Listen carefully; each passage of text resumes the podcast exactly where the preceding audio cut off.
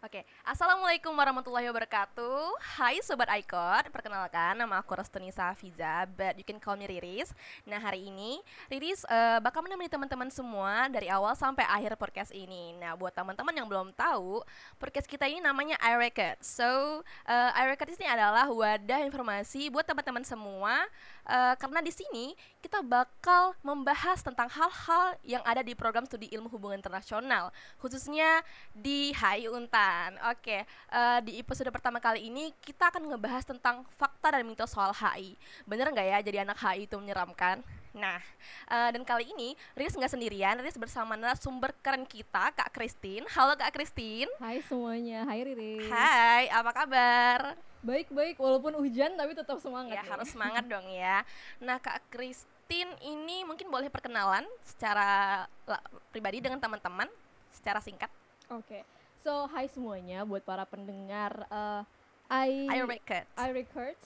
Uh, makasih banget udah ngundang Christine di sini buat panitia. Uh, by the way, uh, saya Christine dari Prodi Hubungan Internasional di tahun 2015. Jadi kemarin diundang sama teman-teman Komahi juga dan senang banget buat di sini sharing-sharing uh, tentang pengalaman gimana sih jadi anak HI Oke, terima kasih Kak Christine. Ya. Nah Kak Christine uh, ngomong-ngomong soal jad, uh, perspektif orang-orang luar tentang uh, jadi anak HI itu menyeramkan, kan banyak banget nih uh, stereotip stereotip yang menyebar di kalangan luar karena uh, HI ini kan baru juga kan di Pontianak dan cuman ada di Untan doang. Nah menurut kakak gimana sih uh, tanggapan kakak tentang uh, uh, stereotip orang yang mungkin salah dan uh, enggak seperti faktanya gitu. Menurut kakak bagaimana? Stereotipnya mungkin kita boleh lihat beberapa konteks kali ya. Kadang-kadang tuh ada yang mikir uh, kalau anak HI itu ada beberapa stereotip misalnya kayak oh anak HI itu pasti jago bahasa Inggris gitu atau enggak anak HI itu uh, uh, misalnya dalam tanda kutip cukup elit dan nggak bisa nggak mau berhubungan dengan orang lain gitu. Biasanya ada beberapa stereotip kayak gitu. Dan mungkin juga ada kecenderungan di mana kayak orang-orang jadi membatasi diri gitu sama anak-anak HI menurut aku stereotip ini sebenarnya sama aja sih dengan uh, kata kayak nggak kenal maka nggak sayang gitu ya. Betul betul.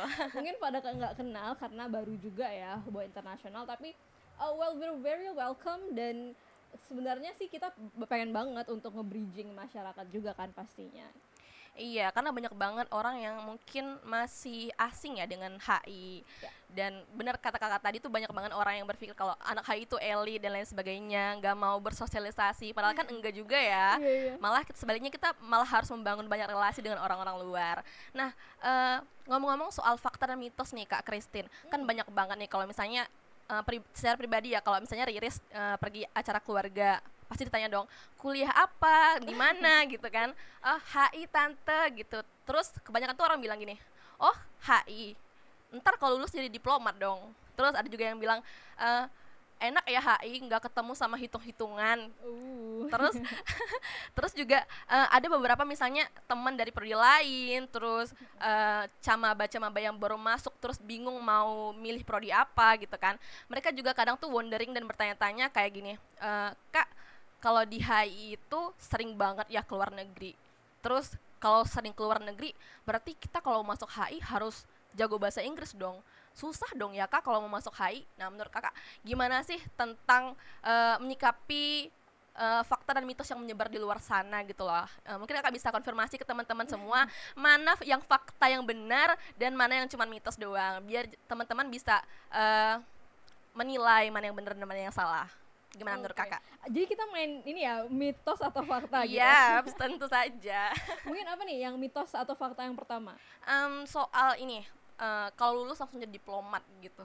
Kalau lulus langsung jadi diplomat. Ini sebenarnya nanti bakalan kita bahas lagi uh, karena kita sudah dapat contekan sebelumnya. Iya, yep, mungkin uh, lebih ke apa ya? Hmm.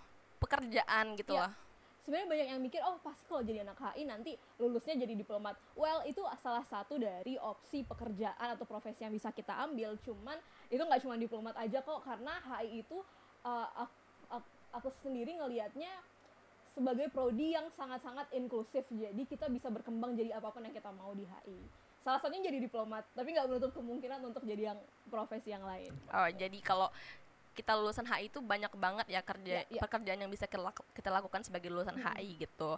Terus nih kak soal nggak ketemu hitung-hitungan, kebanyakan kan Mm. orang tuh gini nggak mau kan kalau kuliah karena SMA tuh udah pusing fisika, kimia, biologi, ekonomi gitu kan, udah pusing banget dan nggak mau ketemu hitung-hitungan. Dan mereka mikir kalau masuk HI itu nggak bakal ketemu hitung-hitungan. Gimana menurut kakak? Sebenarnya kalau ngomongin hitung-hitungan pasti ada ya kayak dalam kehidupan apalagi menjadi dewasa ini banyak sekali hidup hi- eh, hitung-hitungan.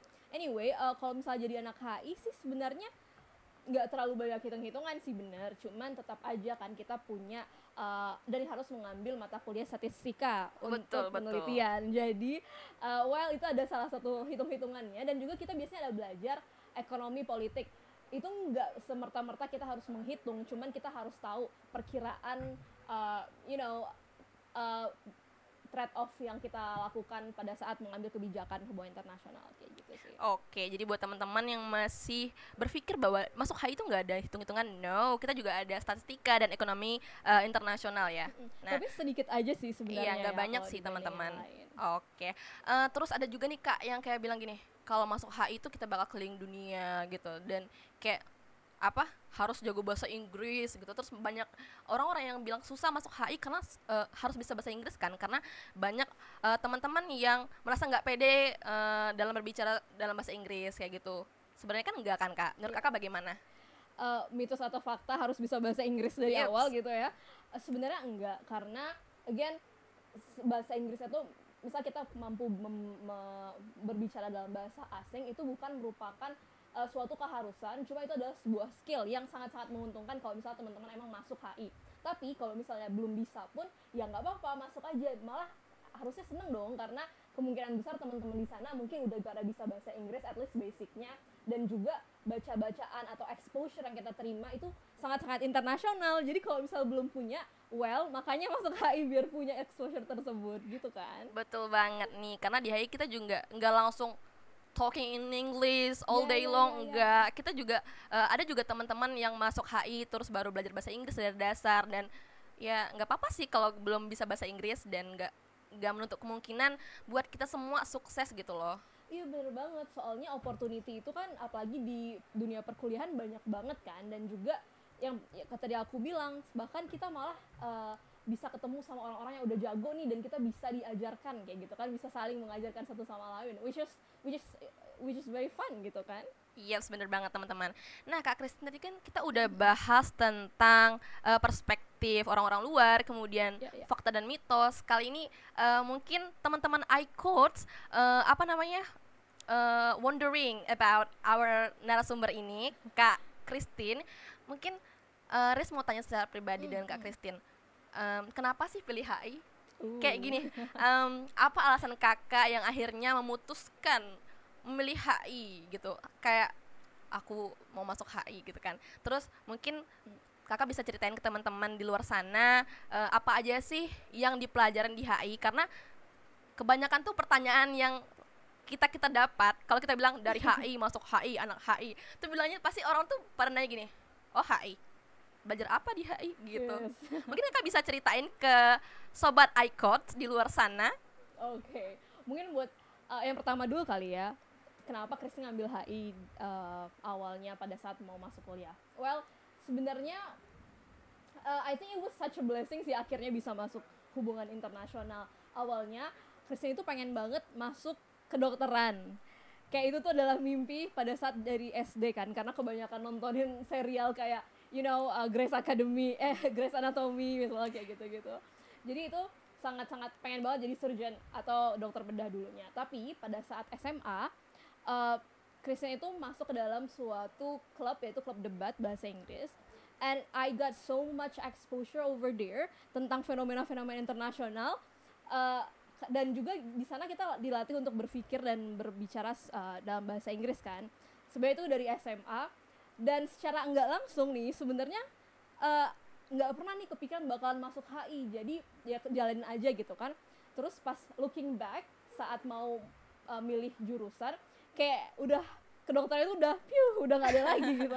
Karena memang ternyata uh, aku cocoknya Christine cocoknya di uh, hubungan internasional nih kayaknya. Karena memang uh, passionate dalam you know menyuarakan hak-hak orang lain gitu kan. Dan juga membahas isu-isu internasional yang menurut Kristen sangat-sangat penting. Apalagi zaman sekarang semuanya sangat-sangat terkoneksi dengan teknologi. And I think it, it's such a great opportunity. Makanya Kristen uh, masukin salah satu opsi untuk masukin uh, untuk masuk kuliah yaitu hubungan internasional. Oh, keren banget.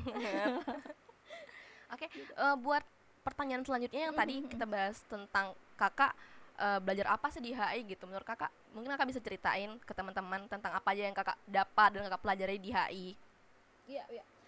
Uh, sebenarnya Riris juga pasti tahu. Oh mungkin biar lebih jelasnya yeah, karena kakak, kakak lebih senior. Jadi kan saya masih um, bisa dibilang angkatan bawah dan belum tahu the whole thing in yeah, international okay. relations. So maybe you can iya iya. Nanti uh, well kita bisa ngobrol-ngobrolin ini ya. Soalnya banyak banget nih yang dipelajarin dalam hubungan internasional. Uh, salah satunya of course kalian bakalan ngebahas tentang uh, hal-hal uh, dasar kayak teori. Tapi nantinya pas udah semester-semester ke atas itu bakalan ngebahas tentang wilayah-wilayah strategis dan kebijakan mereka. Misalnya Asia Timur atau Eropa. Jadi kalian bisa sesuaikan dengan apa sih yang sebenarnya kalian mau. Selain itu juga kita yang tadi kamu bilang ngomong-ngomong tentang bahasa asing di hubungan internasional kita juga ada mata kuliah uh, ini ya hubu uh, sorry bahasa asing nggak cuma bahasa Inggris tapi ada pilihan Iya, ada budaya bahasa Prancis, budaya bahasa Mandarin, kemudian budaya bahasa Jerman ada tiga. Kalau di HI Untan ada tiga. Iya, kamu sendiri ngambil apa nih? Uh, kalau Riris pribadi ambil Prancis. Oh. Dan Prancis, uh, anyway, Prancis itu baru tahun ini, maksudnya baru angkatan Riris baru ada. Sebelumnya tuh cuma ada dua, Jerman dan Mandarin. Iya, benar banget. Iya, makanya waktu itu uh, di tahun Kristen Kristen ngambilnya bahasa Jerman. Wow. Gitu. Cuman kebetulan juga dari semester satu dari semester dua uh, Kristen udah masuk ke dalam kedai Prancis Untan jadi wow. emang belajar bahasa Prancis juga oh jadi gitu. banyak ya belajar bahasa gitu ya sedikit sedikit lah ya namanya juga A little belajar. bit Oh iya kak, kan tadi kakak bilang kakak masuk HI itu karena memang e, ngerasa cocok dan passion. Kakak menemukan passion kakak di sini.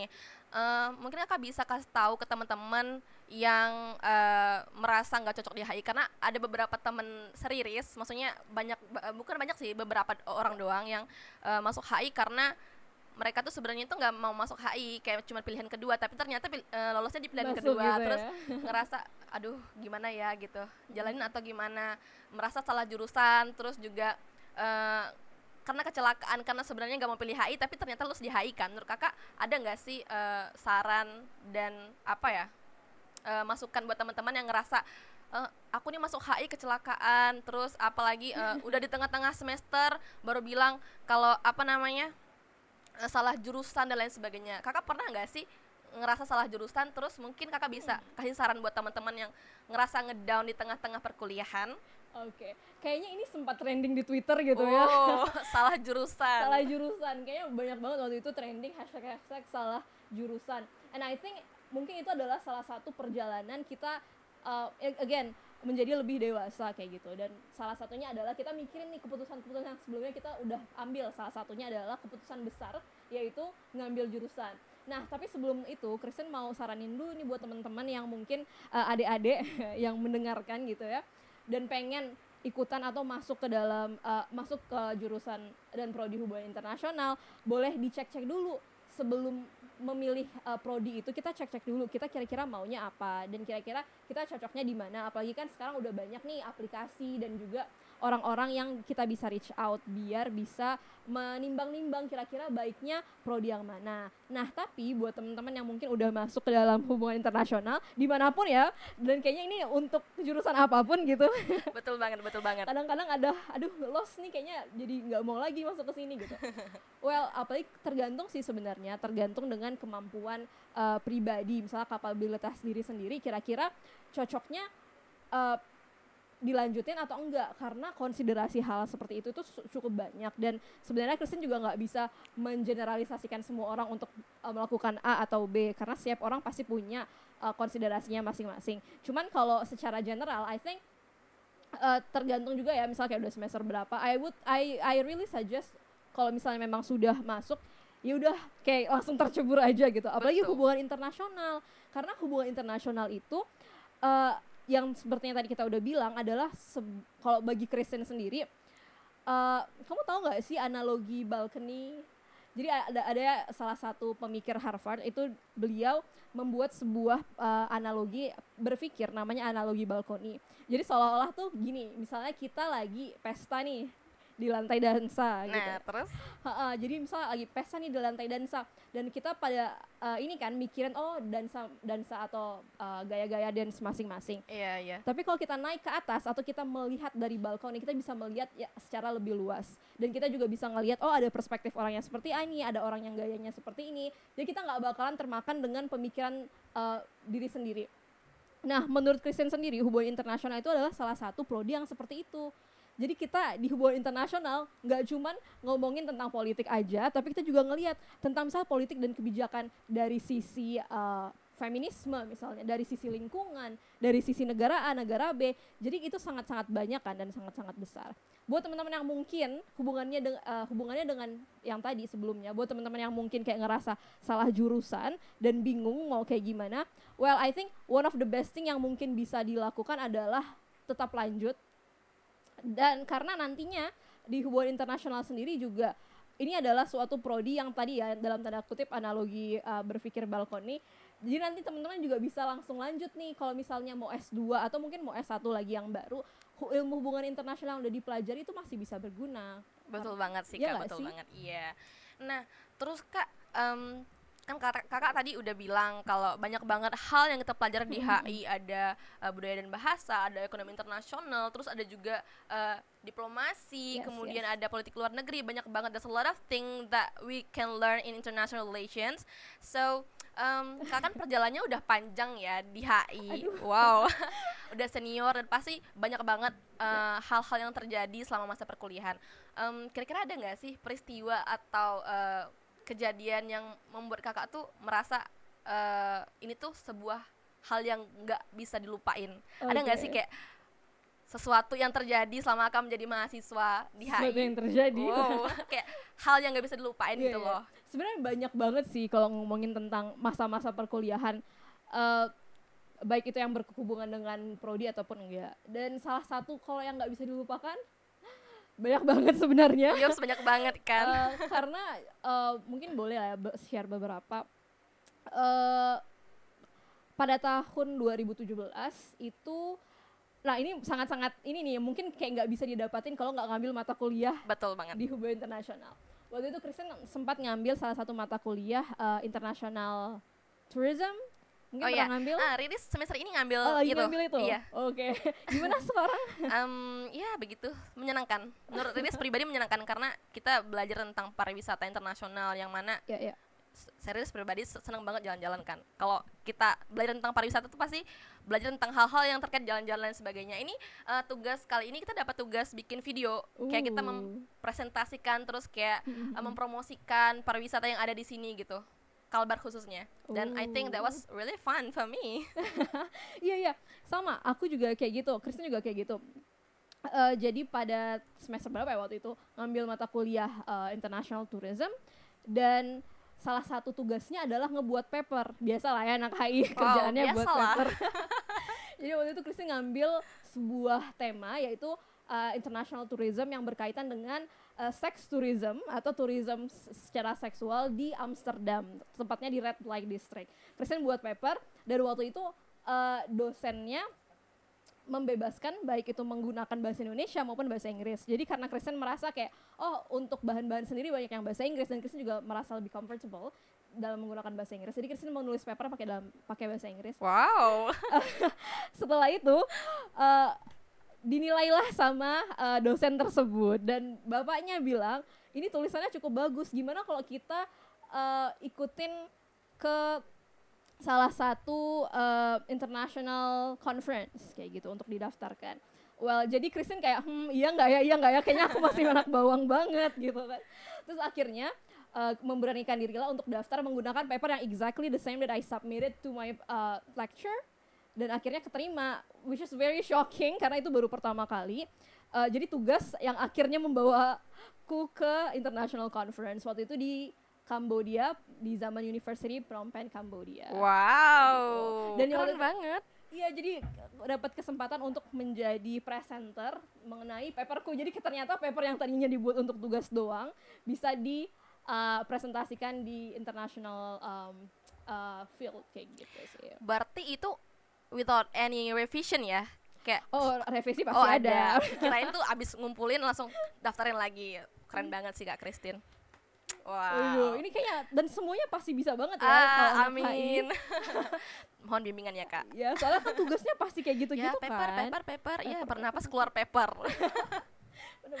Kemudian nih Kak Christine, Iya. kan kakak kan udah banyak banget eh, pengalaman di HI, Mm-mm. terus eh, banyak banget hal-hal yang kakak rasain di HI, Ya. pahit manisnya, banyak pahit atau manisnya nih kira-kira? Eh, manis pahit balance lah ya. Oh, balance, balance guys, balance.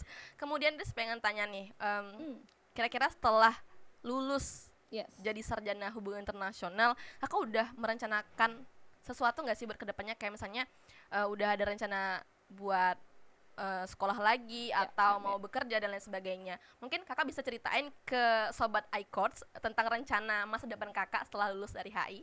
Aduh sebenarnya pas uh, dikasih contekan kalau bahkan ngomongin future gitu agak-agak deg-degan sih karena juga uh, aku masih dalam masa transisi jadi kayak masih menyesuaikan dan juga memasang strategi sekarang. But anyway, uh, buat teman-teman yang belum tahu tadi kita sempat ngomongin tentang ini juga ya. uh, profesi kira-kira apa aja. Kan profesi di HI itu banyak banget. Kalian bisa jadi diplomat ujung-ujungnya atau bisa jadi uh, ambassador bisa jadi even jurnalis. Yep, yep. jurnalis bisa banget.